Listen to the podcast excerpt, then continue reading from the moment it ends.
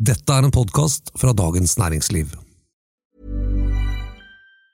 Planning for your next trip? Elevate your travel style with Quince. Quince has all the jet setting essentials you'll want for your next getaway, like European linen, premium luggage options, buttery soft Italian leather bags, and so much more. And it's all priced at 50 to 80% less than similar brands. Plus, Quince only works with factories that use safe and ethical manufacturing practices. Pack your bags with high-quality essentials you'll be wearing for vacations to come with Quince. Go to quince.com slash trip for free shipping and 365-day returns. Ever catch yourself eating the same flavorless dinner three days in a row?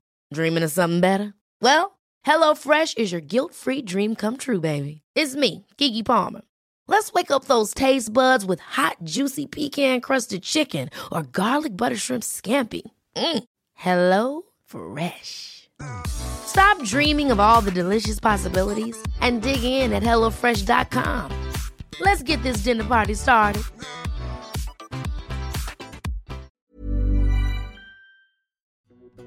Jens Stoltenberg er toppmotivert for å få jobb som ny sentralbanksjef. Mens Jonas Gahr Støre fikk en litt annen jobb enn det han så for seg.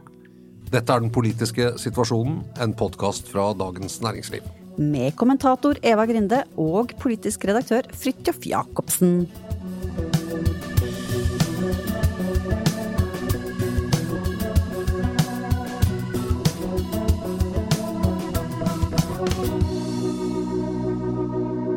Eva Grinde, hvis du måtte velge, som det heter, hvem ville du helst vært akkurat nå? Jonas Gahr Støre eller Jens Stoltenberg? De to store Ap-kjempene i vår tid. Um, nei, altså Jonas Gahr Støre har jo i hvert fall, har fast jobb fire år fremover, da. Så um, uansett hvordan det går. Uh, nei, jeg tror det er litt røft å være Jonas Gahr Støre for tida. Og så tror jeg det er spennende å være Jens Stoltenberg. Det er morsommere å ha sånn sommerfugler i magen, hva skjer, og får jeg jobben, får jeg den ikke, enn å stå og liksom håndtere krise på krise på krise. Ja, fordi eh, den politiske situasjonen akkurat nå, eh, som jeg ser det, er jo kanskje en fortelling om at man går til valg på det man har lyst til å gjøre med fremtiden. Eller framtida, som noen kaller det. ja. Og så blir man innhentet av nåtiden. Og det syns jeg er en ganske vanlig utvikling i mange regjeringer, er at man går på, har mange visjoner, ting man skal sette i gang, reformer osv. Og så på et eller annet tidspunkt så blir man drivende med å håndtere nåtid. Erna Solberg eh, måtte jo i 2015 håndtere et oljeprisfall som var ganske dramatisk men fikk jo da det siste delen av sin regjeringsperiode totalt dominert av en veldig uoversiktlig og krevende pandemi som, som krevde på en måte alt av henne. Og mens, eh, mens, Jonas kunne snakke om fremtiden og vant valget på det. Eh, men så har jo Støre, etter at han ble valgt, så kom nåtiden og beit altså før det nesten var gått en måned. Ja, noe så til de grader. Ja, det gikk vel bare noen få uker før liksom, nummer én med pendlerbolig virkelig tok seg opp. Ja med Eva Kristine Hansen som stortingspresident og ja. Mm. Alt, som, alt som dertil hørte til, og hvordan de det, det, var jo en både en regjeringskrise og en slags litt partikrise også. Han er jo sjef for begge deler, Jonas Gahr Støre. Så mm. det, det, var liksom nummer én. Og så, og så, kom strømmen, som i og for seg var en lenge varslet uh, krise, men de måtte på en måte prøve å forholde seg til den. Uh, og så da denne uka særlig, uh, helt tydelig så smalt det med pandemi, versjon, volum, vet ikke, fire. Ja. ja. Høyt volum, i hvert fall. Ja. Men det som, sånn, det som, er litt interessant, er jo at dette, det er jo, det er jo liksom parallelt til ledelse eh, generelt. For når man, når, når man liksom studerer hva ledelse egentlig er, så handler det ofte om umiddelbar brannslukking. Altså det er veldig stor del av det som handler om liksom, hva gjør vi med det, hvordan løser vi det. Ikke sant? Fordi det kommer i en stri strøm eh, utfordringer som må faktisk løses, og, som, og, og, det haster. Men nå må vi jo kunne gi den nye regjeringen at her har det skjedd veldig mye på kort tid. Det har vært ja. en bratt start. Ja, og litt eh, det, det, at det kommer hendelser som eh, krever en form for politisk respons, akutte hendelser. Det var jo, eh, regjeringen var jo omtrent ikke engang tiltrådt før dette grusomme drapene på Kongsberg foregikk. Mm. Men det Og det krever selvfølgelig en respons, og det både fra en fersk justisminister og en statsminister osv. Men, men det er liksom Det skjer, og så er det et etterspill. Og så er det som hendelsen er Den er grusom, men den, den er konsentrert ganske i tid. Strømkrisen er en langvarig krise. Man vet ikke helt når prisene blir normale igjen, eh, og det er blitt en veldig stor debatt over mange ting. Og pandemien har vi jo nå smertelig fått erfare at selv da vi trodde den var over, så kom den opp igjen i en ny mutert versjon. og vi er jo tilbake liksom, med et ganske kraftig sånn smittebølge som minner om det vi så på det aller verste da, i, den, i, da vi trodde, i det vi trodde liksom var den ordentlige pandemien. Ja, alle de tre eh, store utfordringene, da, kalle, som, som, har truffet eh, den nye regjeringen liksom eh, midt i ansiktet, alle de tre handler jo egentlig om store systematiske praktiske ting som krever liksom langsiktig arbeid. ikke sant? Altså den første med pendlerleiligheter og sånn, og, og, der var det jo det, mye mer etter hvert også, med type etterlønn og Det, har liksom ballet på seg. Mm. Eh, det, det, er jo en tillitskrise. Hvordan bygge opp igjen den? Mm. Hvordan rydde opp det på en ordentlig måte? Mm. Um, sammen med strøm. Det henger jo så sammen med Stor, eh, liksom et sånt bakland av store, eh, av store, saker om hvordan man skal organisere energimarkedet. ikke sant? Og nasjonalisme versus globalisme osv. Store ting. Mm. Og pandemien også. Eh, der er det jo Kanskje kommer det til å bli et større spørsmål om ikke så lang tid. Hvilken rolle Norge skal ha i dette med å prøve å få vaksinert hele verden. Mm. Fordi det er jo den mutasjonen som nå har virkelig satt, satt oss ut av spill. Og den ja, det har man jo varslet at så lenge, man, så lenge ikke hele verden er eh, vaksinert, så vil det skje. Så kunne du ha en grobunn for nye mutasjoner som gjør ja. at våre beskyttelsesmekanismer da, med vaksiner og sånn ikke er så effektive lenger. Der. Og så er det interessant med den strømkrisen er at den, den, mener jeg jo er kanskje den mest politiske av disse krisene. eller i hvert fall den, For den, den har så mange politiske dimensjoner. F.eks. det med, med eh, stat og marked. Eh, strømmarkedet er jo et helt fritt marked, på en måte. hvor det er For noen år siden hadde jo han der strømtraderen som gikk så spektakulært konkurs, husker du det? Ja. Mm, mm, mm. Ivar Aas, eller, eller Einar Aas. ja. ja. Eh, Ja, så Du hadde jo på en måte en slags sånn finansiell instrumentskandale som man bare liksom ser i, sånn, i de råeste finansmarkedene. Det er jo et tegn på at dette markedet, som da direkte bestemmer hvor stor regningen din blir, Eh, vi er liksom helt eksponert for et ganske vilt marked som, som, vanlige forbrukere, uten at vi egentlig tenker så mye på det. Vi har kanskje først begynt å tenke på det nå i det siste, for nå er prisen så eksepsjonelt høy. Og da blir jo ropet kan vi få vekk dette markedet og ja. få liksom staten til å gripe inn? Det er, er en ganske stor beslutning for hvor en regjering skal legge seg der, da. Ja, og det har jo vært nevnt eh, mange ganger, men det er ganske sånn betegnende at selvfølgelig var det ingen som, som brød seg om denne markedstilpasningen da strømmen lå liksom Prisen lå nærmere null, ikke sant. Så, men, men, men det er klart at man kan ikke forvente at folk med sånn passe sånn inntekt som er sånn at den går omtrent rundt liksom fra måned til måned, har høyde for at, at strømregninga plutselig blir eh, mange ganger høyere, ikke sant. Sånn, sånn at det har jo også vært noe av utfordringen her, at, at, de må ikke bare se på hvordan løse det akutte problemet akkurat nå, men også hva slags mekanismer kan vi få på plass som vi kan bruke når dette skjer igjen. fordi at det er jo ingenting som tyder på at ikke dette kommer til å skje igjen. Vi kommer jo til å bli mer avhengig av uh, alternativ energi, uh, grønn mm. energi, mm. enn mindre. Mm. Og det er jo det som er en del av årsaken til disse veldig høye strømprisene nå. Tilbudssiden er svak. Det er rett og slett på fornybar energi. Det er ikke bygd ut nok til å erstatte. Og så, eh, ja, så Dårlig med vind og ja, så videre. Mm. Ettervirkninger av pandemien som gjorde at når alt skal opp igjen og begynne å rulle for full fart, så blir det, blir det kanskje ikke nok energi da, til å drive dette med, med både gass og, og sånn. Men, men, det er eh, eh jeg var jo på den eh, oppsummerende pressekonferansen ja. som heter, til Jonas Gahr Støre denne uken i i det representasjonsanlegget i Parkveien. Det er veldig sånn staselig. Noe av det mer staselige vi har i Norge av sånn offentlige ting. Det er sånn minislottet, på en måte. Og det, var, er det, er ikke så lenge siden vi var der da Erna sto altså Det er jo litt sånn Nei, og tok avskjed med oss, ikke sant? Ja, ja, det er sant, ja. ja når det var eh, Og det er jo sånn julegreier. Det var, det var, klart I fjor så var det litt spesielt pga. pandemi og sånn, men det, men det pleier å være en sånn litt løs tone. Eh, Eh, og litt sånn omgjengelig og litt sånn Nå tar vi juleferie i bobla, ikke sant? Det er litt den der stilen der, men Bobla, der tenker du på pølsebobla? Ja, politikk og, og media og journalistikk og liksom hele den løpende greiene. Ja.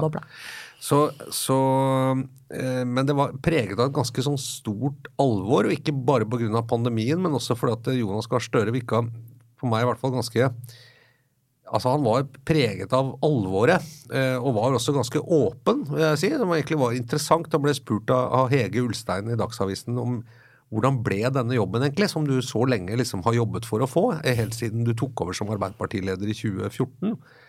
Og så sa han nei, han sa noe sånt som at han hadde jobbet så lenge med statsminister og i regjering og sånn at han visste jo på en måte hvordan han var, men han sa, spør du om hva jeg tenker i mine mørkeste stunder, og det, og det var en viss sånn klangbunn i det at at det virka som han tenkte at det var det var i grunnen kanskje ikke helt det han hadde sett for seg, at før det liksom var gått 100 dager, så skulle han bare stå i ekstremt krevende ting, med, med også et ferskt mannskap, men som man roste, mange av dem. Eh, og det er, sant, det er pandemi, strømkrise, og også som han også trakk fram en veldig spent situasjon rundt Ukraina med Russland, som selvfølgelig har direkte innvirkning på hvordan vi, eh, vår sikkerhet eh, så virket det som det var mye. Og han brukte veldig lang tid til å snakke om liksom, ja, men vi gjør også liksom politikk, vi gjør vanlig, vi leverer på valgresultatet, vi driver også med alt det vi lovet ja. Det var det jeg skulle sånn. til å ja. si, for liksom sånn, han var jo ute eh, og hadde dette programmet for de første 100 dagene, ikke sant. Jeg tenkte Mm. liksom, hvem er det er det, er det, noen som har tid i det hele tatt til å se på den lista over saker? Og i hvert fall ikke blir det rapportert eller ettergått i noe særlig grad fra oss, fra pressen heller. ikke sant? For det er jo det, det, rammer jo det rammer jo alle, det at det no, når noen saker blir så store, så feier de jo det meste annet av banen, fordi, fordi det også blir så viktig å få orden på det, da. For eksempel, for eksempel virus og sånn, som setter ut Ja. sam, viktige samfunnsfunksjoner og den type ting. Det har en tendens til å dominere. Og kan jo si at i, pandemihåndteringen så kan han jo lene seg da på det som eh, etter hvert er blitt både en hva skal man si, eh, kompetent befolkning, som på en måte kan tiltak og begynner å skjønne så Man så jo nå når, når rapporten om omikron kom, så begynte veldig mange å justere sin sosiale oppførsel før det var kommet en eneste pålegg. Julebord ble avlyst. Eh, Folk begynte å liksom, På jobb flere hadde hjemmekontor. Det var, altså, før det kom noe pålegg. For vi, vi vet liksom Å, å fare på ferde, vi vil ikke ha det. Mange i hvert fall justerer. Ja, og politikerne var jo nesten de som sa liksom sånn ikke avlys julebord, for all del, ikke sant. Eh, men, men, men ikke sant, befolkning og apparatet har trening i det. Uh, og selv om omikron er nymutert, så er det et virus som på en måte oppfører seg litt likt som noe av det vi hadde før. Men det som er med den strømkrisen, det sa han også Hvorfor kom det ikke før? Hvorfor kom det så sent? Og sa han det, det var det er helt eh, hva skal man si, uh, uoppdaget terreng. Hvordan vi skulle lage systemer som faktisk virket. Ja. Og, og som på en måte var juridisk på plass, og økonomisk på plass, og hvordan vi faktisk skulle få pengene frem til folk. hvordan skulle justere. Det tok, det tok en god stund å lage det og få det på plass. Jeg syns det går an å forstå det. Og det er liksom Ja. sånn, vi så opposisjonen også bare gripe denne med begge hender. Det er en veldig sånn takknemlig opposisjonsoppgave, da. Å si sånn penger til folket nå. Hva, hva drunter dere med? Ikke sant? Det er krise, det er nå det er krise. Men samtidig så, ja. Men, det, men det, ja, og det, er det er i og for seg en god, men, men likevel sant, så tror jeg folks utålmodighet på sånne ting er ganske stor. Det blir liksom at hvis du sitter på en sånn, Jo, men det er litt, kanskje en litt sånn nostalgisk parallell. Hvis du sitter på en restaurant og er kjempesulten og har bestilt mat, og det går liksom en time og du ikke får den, selv om man kommer til å ha veldig lang tid for at vi har litt problemer med strømmen, og tilbake, så sier du sånn Jeg forstår det, men jeg er sur allikevel. For jeg er sulten nå. ikke sant? Men det som de heller ikke gjorde på en god måte, da, som vi i og for seg har snakket om før også, men det var jo nettopp at de ikke kom ut og sa at eh, det tar litt lang tid her fordi vi har litt problemer med, det ene eller det andre. Nei. Eller i hvert fall i, i antagelig for liten grad, da, for det er jo noe med folk Det har vi jo sett fra hele koronahåndteringen at, at folk er jo overraskende eh, godt i stand til å godta Uh, upopulære beslutninger eh, så lenge liksom man får skikkelig informasjon. Ja, bare skjer noe. Ja, bare liksom, ikke sant? Ja, det, Det er noe med det. Og det, der- og det tror jeg et, egentlig Det setter altså enda større krav. Vi, vi vet jo, vi som begynte å jobbe i papiravis, ikke sant, og, og sånn, at vi vet jo at samfunnet generelt går mye fortere. Alle prosesser går mye fortere. Digitaliseringen har jo bare gjort alt veldig mye raskere. Eh, nå, nå er det merket under pandemien altså, at det å bestille noe eh, på en måte, eh, og få det hjem til døren, det går så fort at du nesten ikke tror det er mulig. Altså det, det, det er jo helt, Da jeg vokste opp var det helt utenkelig at ting kunne gå så fort. Alt går så fort. Eh, Noe går fortere, og noe blir det bare mer av, Ja, følelsen ja. Altså sånn Men jeg tror det, det gjør liksom at, at også forventningene til politisk respons på kriser er sånn Det må skje nå! Det må skje med en gang! Vi har ikke tid til å vente. Og det, det setter politikere på nye krav. Altså De har mye dårligere tid og blir straffet mye raskere hvis ikke de handler eller kommer med noe enn det som var før. og Det, det, det, det tror, jeg, det tror jeg har truffet denne regjeringen, og det tror jeg er en forklaring til at de gikk så gått ned på målingen også. Det er veldig interessant. Altså, hele samfunnet lider av eh, skikkelig sånn eh, slag på, på impulskontrollen. Altså Digitalisering er ikke bra for impulskontroll. Nei, men ikke sant, vi, skal, vi skal bare ha det fiksa nå. Ja, det var det det het liksom, For en stund siden sånn digitalisering så het det liksom 'speed is the killer app'. Mm. ikke sant? At det, uansett, hvis, hvis det er noe du lurer på du skal gjøre digitalisering, så er det bare én ting du må se på. Kan du få det til å gå fortere? Fortere, fortere, fortere. Jeg hørte sånn Convenience. Ja, men også, ja, men også sånn eh, eh, bare et sånt lite eksempel, men, men en ting man jobber med på, på, på f.eks. utbygging av 5G eller andre sånne applikasjoner, da, det er at nedlasting for eksempel, ikke skal ta tid. For Du vet selv at hvis du Ja, ja. nå er på og skal ha ned et eller annet, og det er sånn, og det står med det hjulet og spinner og det tar tid, det er, det er den mest irriterende sekundene i livet. er sånn, Hæ, er det ikke klart med en gang? Nesten litt like irriterende som reklame før videofilm. Ja, ikke sant? Venting. Eh, og det, det gjør nok også noe med vårt sånn politiske mindset. Nå blir det litt sånn metaaktig dette her, men jeg, men jeg tror Alt henger sammen med alt. ja, men jeg tror en regjering i dag den, den er nødt til å øh, jobbe eksepsjonelt raskt med å håndtere det som folk opplever som problemer. Så har den ganske lang tid på reformer og sånne ting som ikke koker, men det som koker, må jo farta være høy. og det hvor høy den farta faktisk måtte være, det tror jeg overrasket øh, Jonas Gahr Støre og Ja, hans og når du da får så uvanlig mye oppå hverandre, men han så Du syns kanskje at han Du sa til meg at du syns han så sliten ut. Ja, nei, nei altså, sliten det syns jeg blir litt sånn øh, Det er som Nei, en nei, men altså, ordet preget, da. sliten bruker vi ikke her, det bruker vi bare når man har drukket for meget. Ja, da, ikke sant? å ja, Men, ok. øh, men, det var ikke det jeg mente. men, uh, men Ja, for det, det skal jeg ikke si. Men jeg, jeg tror han så preget Ja, Mm. litt sånn preget ut, og også preget av at rett og slett det er mye, og det er mange komplekse ting, og det, er, det gjøres med et ferskt mannskap. Det, så jeg tror liksom, Og da når i tillegg eh, du får målinger, og det kommenterte han sånn, som er sånn Å og det går virkelig nedover. Folk er misfornøyd, setter seg på gjerdet. De, ikke- de har ikke tillit til vår koronahåndtering, de hadde mer tillit til Erna. Altså, du tenker sånn Og vi jobber og jobber og jobber, jobber så godt vi kan, og så sier folk at vi er ikke fornøyd. Altså, den, Det er en tøff, tøff ting å gå inn i jula med. Pluss at selvfølgelig, det er ikke noe gøy for å sitte i regjering og, og ha pandemi heller. Og være på hjemmekontor og alle de tingene. Eh, man vil jo helst være sammen. Også Nei, jeg, jeg, ja, jeg tror det. Eh, Altså hvis, hvis hvis regjeringen og folk flest og, har, har noe i nærheten av liksom den reaksjonen jeg har hatt på den der nye pandemirunde X, liksom, så, så er det tungt, ass. Det, er- det jeg tror er, jeg tror ikke det er mye motivasjon noe sted for, for den runden. Selvfølgelig, man, vi, man gjør det man må. Men det, det, det er liksom en helt annen stemning rundt det.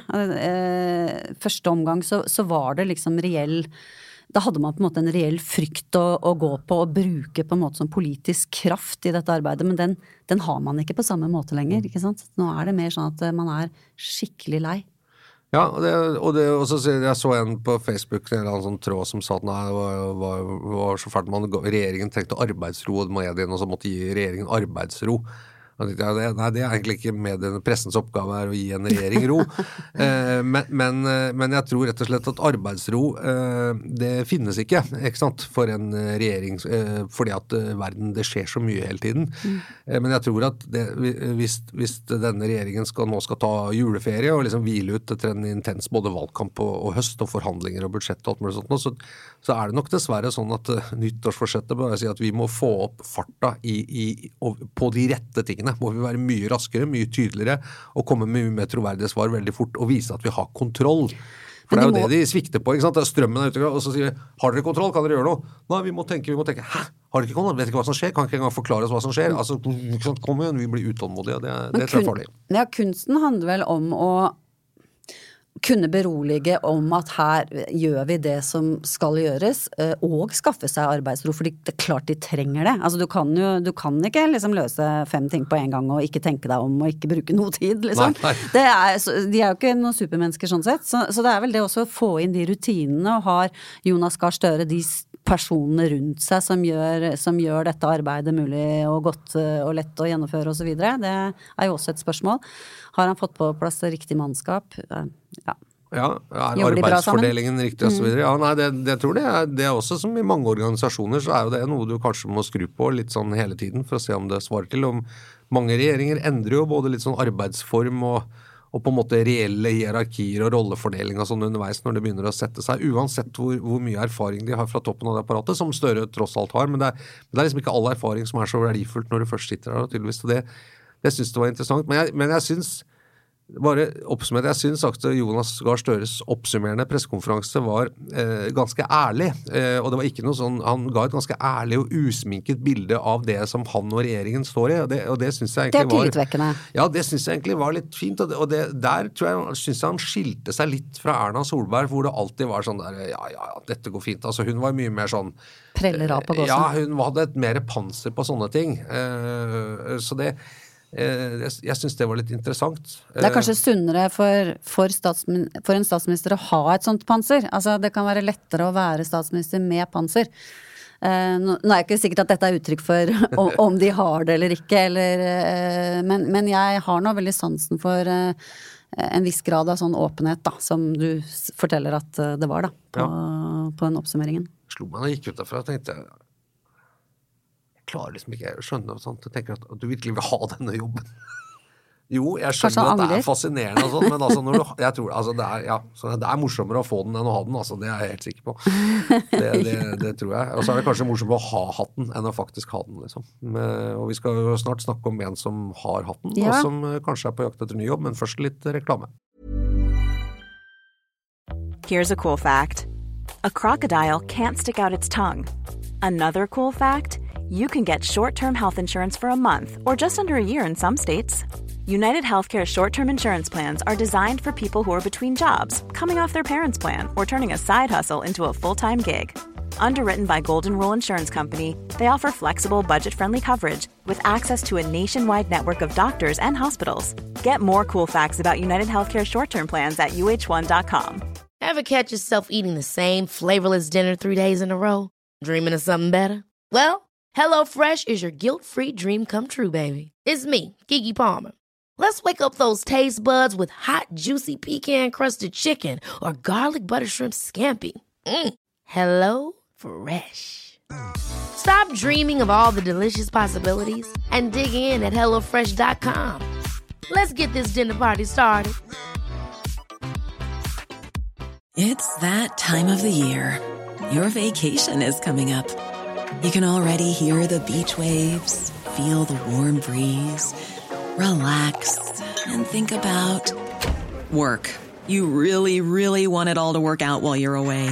Monday.com gives you and the team that peace of mind. When all work is on one platform and everyone's in sync, things just flow wherever you are. Tap the banner to go to Monday.com.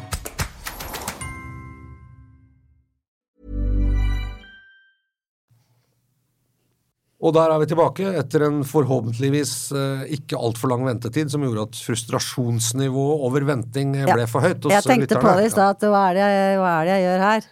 Ja. Skyter oss selv i foten. Ja, men alle er jo enige at det er irriterende. Men, ja. det, er i hvert fall åpent, det er i hvert fall åpent å gjøre det. Det er veldig åpent. Er åpent. åpent. og ærlig. Eh, fordi eh, søkelisten til eh, Norges banksjef, sentralbanksjefjobben ble offentliggjort eh, denne uken.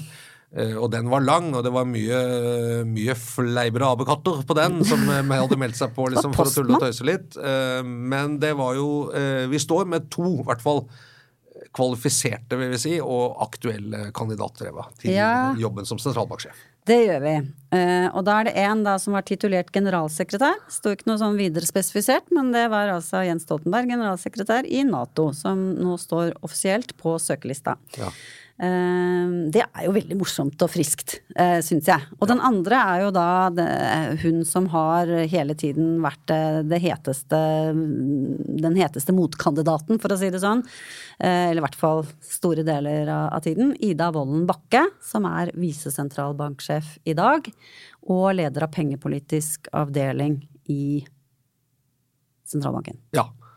Hun, hun er også det, det er jo for de, Dette vet sikkert mange av lytterne, men, men Norges Bank har en sentralbanksjef. Og så har man to visesentralbanksjefer, hvor den ene har spesielt ansvar for pengepolitikken, altså rentesettelser og ja. det som man må gjøre, og den andre har uh, et spesielt ansvar for uh, oljefondet, rett og slett, og forvaltningen av det. Eh, og, og Ida Wolden Bakke er altså da eh, pengepolitisk kommisær, som er den klassiske sentralbankoppgaven, som har på en måte et ansvar for det. Så har jo sentralbanksjefen hovedansvaret for begge deler, da. Men det er veldig veldig viktig med denne utlysningen av sentralbanksjef, eller hele diskusjonen rundt Jens Stoltenbergs kandidatur osv., er jo at den rollen også innebærer å være eh, styreleder i oljefondet. Ikke sant. Så der, der har jo Det var jo det er en lang historie, dette er det med Jens Stoltenbergs eh, kandidatur til den jobben. Um, det kan jo se ut som han var liksom selv arkitekten bak lite, en liten sånn prøveballong. Tror vi det, eller? Uh, det har i hvert fall vært spekulert i. For det, det kom jo sånn hendig ut i medien for når var det, begynnelsen av november, var vel DN som skrev det først. At uh, Jens Stoltenberg sier at får jeg tilbud om jobben, så sier jeg ja. Han drøftet det med noen si nærstående, som er et, eh, som er et, et begrep vi kan nå i pandemiens tid. Ja. Nærstående. Nærkontakter. Eh, eh, nærstående er fra habiliteten, unnskyld, men nærkontakter. Men eh, ja, og, og de, denne historien kjenner nok de fleste, men, men for meg så sier man at ok, vi, dette betyr på en måte at hans kandidatur, med, med, alt det det kommer med altså Akkurat at han har vært generalsekretær i Nato, det, det har ikke kanskje så mye med det men det at han har vært statsminister, at han har uh, vært leder av Arbeiderpartiet, at han er en nær venn og nærstående altså rett og slett til Jonas Gahr Støre, som gjør at Støre har erklært seg inhabil og fratrer fra alt som har med denne ansettelsen å gjøre. Det, det, har jo vært en debatt i norsk offentlighet som jo har vært morsom å følge, fordi at her argumenterer folk meget brennende for at han er den beste kandidaten i verden, eller at det er helt umulig. Litt avhengig av hva de har bestemt seg for på forhånd, tror jeg. Ja, hva de, ja. hva de syns det er. Men ja, det er jo nettopp det. Liksom, hans veldig sånn nære personlige og politiske forhold til arbeiderbevegelsen, født og oppvokst, ikke sant veldig, veldig bra kontaktnett, må man kunne si. Eh, ikke sant? Det er vel ikke den eh, politiker som ikke, som ikke, han på en eller annen måte kjenner, eller i hvert fall som føler at de kjenner han. Sånn at det er jo ikke noe tvil om det, at han har eh, og, en sånn type nærhet. Men så er det liksom det, det som jeg syns er det aller mest interessante med den debatten, er jo egentlig argumentene for at han er den rette. Og der, der, har det jo liksom vært veldig Altså et sentralt argument har vært at han trengs for å holde Nicolai Tangen i ørene. Uh, og det har ikke vært egentlig en ytterligere spesifisert. I mange, faktisk mange kommentarer så har det vært litt sånn Det skal være selvforklarende. Ja. At selvfølgelig trenger man en Jens Stoltenberg for å holde han i ørene. Altså, for han vil jo da formelt være styreleder, ikke sant. Så det må være en person som har på en måte pondus og autoritet til å kunne si fra til Nicolai Tangen at du, nå, nå er du litt ute på viddene her. Og implisitt, den autoriteten har ikke Ida Wolden Bakke.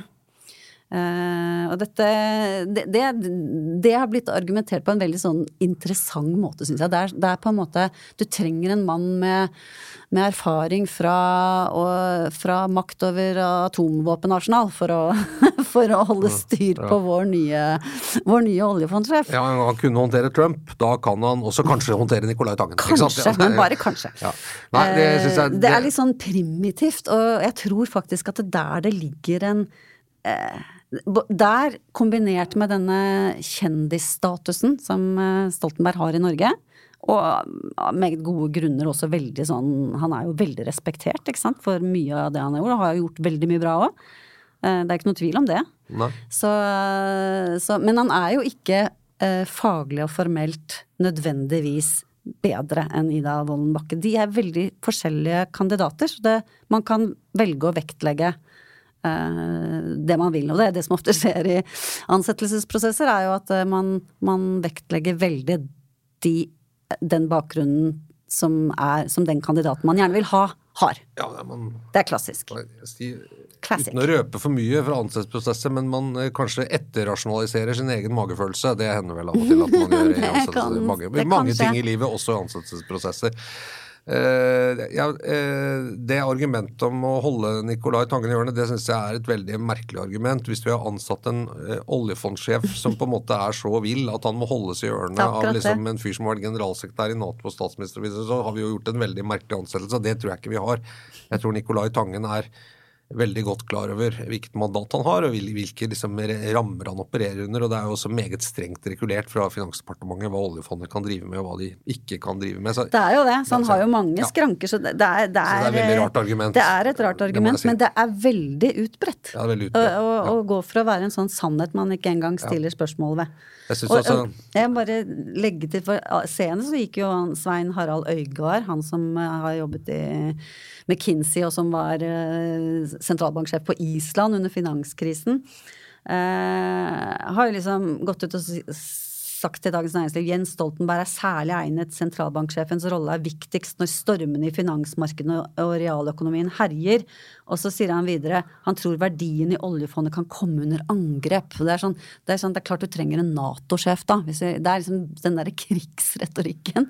Jeg syns det er bare veldig interessant. Det, altså, eh, Sven Harald Øygard eh, fikk jo tilbud av Jens Stoltenberg om å bli finansminister i 2009. Mm. Eh, da, da Sigbjørn Johnsen altså. endte med å bli det. Ja, men så De er jo nær hverandre. og den sentralbanksjefen vi hadde under finanskrisen i 2008 og 2009 hadde verken vært generalsekretær i Nato eller politiker, og det landet jo ganske godt. Eh, det gjorde det, selv om også Jens Stoltenberg og Kristin Halvorsen alle gjorde en stor innsats eh, den gangen. Så, jeg syns det argumentet er rart, men, eh, men, det tror jeg er nok et eksempel. Men det jeg syns er interessant, det er at prøveballongen på en måte på Stoltenbergs kandidatur og debatten debatten som var sånn er, Går dette, går det ikke? Det er jo en helt ny yrkesbakgrunn, eh, i hvert fall sammenligna med en del av de tidligere sentralbanksjefene. Vi har aldri hatt en statsminister som ble sentralbanksjef. ikke sant? Og det, det er en slags politisering av en stilling som vi vel de siste årene har ment er en slags embetspersons- eller embetsverkstilling. Ja, de to siste i hvert fall ja, har vært det. Og som i tillegg uh, har jo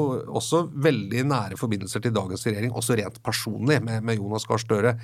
Eh, den debatten har gått, eh, og den debatten eh, vil jeg tro at Jens Stoltenberg har fulgt med på og lest seg ganske godt opp på, nettopp for å liksom se om hva, hva mener, Jeg vil ikke gjøre dette hvis, det liksom, hvis folk ikke vil ha det. det han Hans konklusjon sagt. er at denne debatten har ikke skremt han fra å stå på den lista. og Det betyr jo at han sier at ok, ja, det, det, dette bråket her og i motforestillingene ja, kan jeg leve med, jeg står gjerne på denne listen. Og så jeg er topp motivert for, ja. hvis jeg eventuelt får den. Ja, ja, ja, og, og han, har, han, er faktisk en åpen søker. Det er jo også veldig interessant at vi faktisk har to åpne søkere. For det, det, som er problemet ofte med offentlige toppstillinger, er jo det at det er kjedelig å bli satt på en sånn liste hvis ikke man er sikker på å få jobben. Og her er det jo to, og begge kan ikke få den. Og begge har blitt oppfordra til å søke. Ja. Så det er eh, men, men, jeg, men, det er liksom litt spekulasjoner. Er hun bare satt opp? Liksom sånn, er, det, er, det, er, de reelle konkurrenter? Det, det tror jeg godt de kan være. Jeg tenker at begge, Ingen av de har den det klassiske problemet med at de vil gi et signal til nåværende ansatte. At det ville være veldig ødeleggende signal da, til nåværende ansatte at de sier at de er på vei ut. ikke sant? Nei. Sånn at de, de, de, kan tåle den uh, men, men altså, vi, tåle den der. Vi, altså, Jens Stoltenberg kunne ikke stått uh, anonymt på den søkerlisten. Altså, det ville, det ville vært helt utenkelig. Altså Hvis det, det hadde skjedd, ville jo vært en fullstendig skandale. Det, det, og det, dette så han jo i Tangen-saken. Han sto jo der anonymt. ikke sant? Og det, var jo, det var jo en av de tingene som gjorde at den tingene kom skeivt. Da var at den prosessen var Han sto der ikke engang anonymt? Nei, nei, ikke sant? Nei, han bare sånn dukka opp. Ja, liksom. ja, og det er det, som, det er det man kanskje spekulerte i at kunne være en mulighet her også, da. At for det man kan si, er at vi har ikke de søkerne vi ønsker. ikke sant? Så vi tar en runde til, og så kom, kommer du på en eller annen måte skliende inn fra sidelinja. Men jeg syns det er veldig bra at uh, han er der nå fra begynnelsen av, åpent. Ikke sant? altså, det, det, er veldig bra. Hvis vi skal spole tilbake til Tangen-saken, så vil jeg si at uh, veldig mye av det som jeg mener var potensielt et ganske ødeleggende i den Tangen-saken, også for han personlig, var at eh, det hadde vært en fordel om man kunne ta denne diskusjonen på forhånd, før det var et mm. fait accompli. Da kunne man kanskje hatt en litt mer vettug og ikke liksom blitt drevet fra skanse til skanse i hva han skulle gjøre med formuen sin og, og bindinger osv. Nå endte dette til slutt, men etter en ganske stor personlig belastning også for han, som han har gitt uttrykk for han syntes var veldig ubehagelig. Ja, det, var, det må det jo ha vært. Det var jo helt ekstremt. Eh, og det som jeg tror er fint da med denne prosessen med Stoltenberg, er på en måte at eh, debatten er åpen. Eh, ting er åpent. Eh, vi kan diskutere det. Man kan komme med forestillinger for og mot osv. Men det som er verdt å merke seg, tror jeg som kanskje er litt underkommunisert, er at etter en måneds tid med offentlig debatt, så er tydeligvis Stoltenbergs vurdering at uh, dette er ikke inhabilt. Det er ingenting i veien for det, for at jeg kan gjøre det. Og Jens Stoltenberg kan den norske statsforvaltningen veldig godt, så hans vurdering er at det er innafor.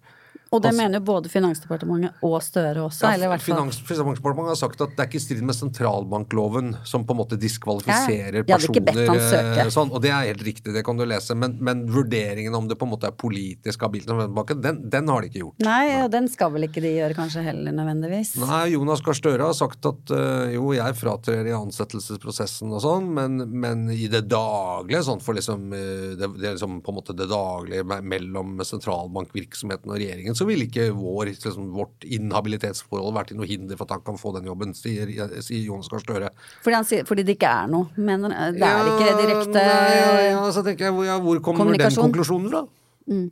Hvor, hva er det, som, ja, så det prøvde jeg å spørre han om på den pressekonferansen. Da var han liksom Nei, det, jeg har jo sagt med embetsverket at jeg fratrer og sånn. Ja, det, vi vet at du har erklært deg inhabil i ansettelsen, men, men det at du sier det er ikke noe gærent for det sånn i det daglige, hvor kommer den vurderingen fra? Er det noen som har vurdert det? Var det noe svar da? Eh, nei, ikke. Jeg hørte ikke noe veldig godt svar på det. Eh, Han har jo sagt at Lovavdelingen skal vurdere det òg, har han ikke det? Jo, kanskje det er en idé at Lovavdelingen vurderer det før man tar beslutningen. For, for vi husker nå bare, husker Ja. at når det gjelder tolkningen av sentralbankloven og uavhengighet, så var Finansdepartementet i Tangen-saken helt sikre på, altså juristene der, om at Sanner ikke kunne instruere eller gripe inn i denne prosessen. Eh, Og det, så bestilte de et advokatfirma som sa det samme. Og så kom Lovavdelingen i Justisdepartementet som sa det, jo, det kan du. Eh, Det er ikke, det er ikke sånn. Sentralbankloven skal forstås på denne måten. Mm. Og da, eh, må jo, da måtte jo kontrakten til, til Tangen Så, så, det- det så det er liksom her- ikke helt gitt, da. Nei, for det vi snakker om her, er jo da en eh, situasjon. Ok, ja, det ble Jens Stoltenberg, hurra. Og så kommer hele den prosessen med Vet du hva, dette går ikke så greit. Dette blir masse trøbbel. Det blir Nei. trøbbel hver eneste gang, sånn og sånn. Ja, har dere tenkt på det? Har dere tenkt på det? Ikke sant? Ja. Og så, eh, og så har vi, har vi Julie Bråttkorp på banen og representantskapet og sånn, ja. Det, det er rådet, rådet fra oss, da. Det er, ja, tror- Sjekk dette før, da. Ja, sjekk alt. Ja, det, det, jeg tror det er lurt, eh, hvis man først skal gjøre det. Og så er det jo i tillegg eh, ikke sant? Det er jo sånn politisk vurdering. Altså er det Nå har jo på en måte Støre meldt seg ut av den, men, men Arbeiderpartiet må- jo vurdere om de mener det. eh, Og det kan jo en regjering gjøre. Si at mener vi virkelig at det er bra for oss? Eller for tilliten liksom, til oss og sånn. At, at vi gir liksom den tidligere sjefen en kremjobb i norsk forvaltning. Når han liksom er ferdig i Nato, eh, så skal han få en superjobb liksom, i norsk forvaltning. Det, skal vi gjøre det sånn? Altså, hvis det hadde skjedd i andre land, så ville vi jo hevet litt på øynene og sagt å ja, det er liksom eh, Det er gutteklubben her som passer på hverandre. Men det er jo gutteklubben som passer på hverandre. Det, altså, det, hele, det er jo ganske interessant å se hvor, hvor Eller det er ganske vanskelig å skille ut hva er det som skyldes sånn starstruck, politisk superstjerne, eh, kommer tilbake til Norge, ikke sant, og eh, så stas og så gøy. Eh, greier man å ta vekk det og virkelig vurdere hvem blir den beste kandidaten, ikke sant? Det, eh, det spørs. Ja, jeg bare jeg husket jeg en intervju, så kan jeg slutte på det, at eh, både Siv Jensen og Trine Skei Grande, som var jo to fremtredende politikere og statsråder etterpå, de sa at det er ikke så lett for tidligere politikere på toppnivå å få jobb når de er ferdig. Og Kristin Halvorsen nå, Liksom, sånn, det var ikke så enkelt å finne seg en ordentlig Nei. god jobb etterpå. For det at du liksom hadde vært så eh, tilknyttet øverste del av politikken, sto litt i veien for da, liksom, De nye var sånn Vi kan ikke gi til liksom alle de gamle kompisene og, og bekjente, for det tar seg ikke helt ut. Men det gjelder tydeligvis ikke alle. Det gjelder tydeligvis ikke alle. Eh, Det er eh, det er tross alt forskjell på folk. Mener kanskje noen, da, i hvert fall. Jeg vet ikke. Ja, det kan se Jeg er sånn spent på det. Hvor tror du det ender, da? Hva tror du det ender med? Åh, nei, jeg vil ikke. Det er, altså, du veit det. Du lurer ikke meg utpå der, altså. Ja, men du, Ja, du inni deg så har du jo en tanke om det. ikke sant? Jeg har kanskje en tanke om det, men det er Det kommer an Jeg skal si det sånn. Det kommer an på hva de vektlegger Ja. når de skal ansette. Men jeg, jeg Hvem, hvem håper tror og du tar tror beslutningen? Jeg håper og tror at de gjør en skikkelig prosess. Og stiller ja, stiller de riktige spørsmålene på, hver, på de respektive kandidatenes svakheter, for å si det sånn. Men hvem, hvem tar beslutningen? Det er, hvem tar den endelige beslutningen? Det er også litt spennende. Ja, det er spennende. Det er jo regjeringen, da. Eh, Det er jo eh, kongen i statsråd, altså regjeringen, Ja, ja. det er jo formelt, men det må? Det, det vil det. skje kanskje i en regjeringslunsj eller en Det regjeringskonferanse har at de mye å si hva innstillingen fra Finansdepartementet er, ville jeg tro, hvis ikke Det si R-notatet, som da er liksom Det det, saksforberedende der, om, om hans ansettelse, det, det skulle jeg gjerne sett. Ja. Det tror jeg dessverre aldri vi får se i vår levetid, da. Men uh, vi får se. Ting går jo fortere og fortere, så vi får se. Du, det var det vi rakk i denne utgaven av den politiske situasjonen. Uh, det nærmer seg jul, men uh, vi får se om vi klarer å fyre av en til før vi bikker årets slutt. Uh, Ja, det, dette har vi ikke snakket ordentlig gjennom, men det finner vi ut av. Det kan Vent- godt hende. Vent i spenning, Vent og i spenning. ikke i frustrasjon. Eh, det var dagens historie fra Eva Grinde og Fridtjof Jacobsen. Eh, dette er en podkast fra Dagens Næringsliv som vi er veldig glad for at du hører på. Spre gjerne ordet, lik og del og abonner og alle de andre tingene. Produsenten heter Oskar Bremer. Takk for nå.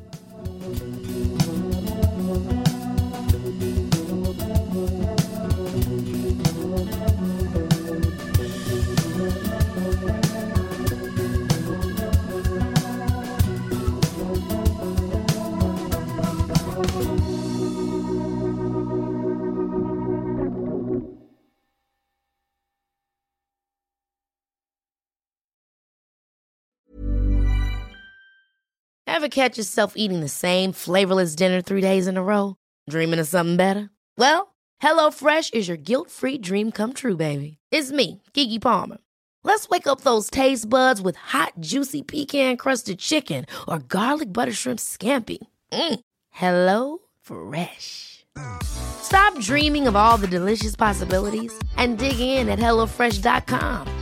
Let's get this dinner party started.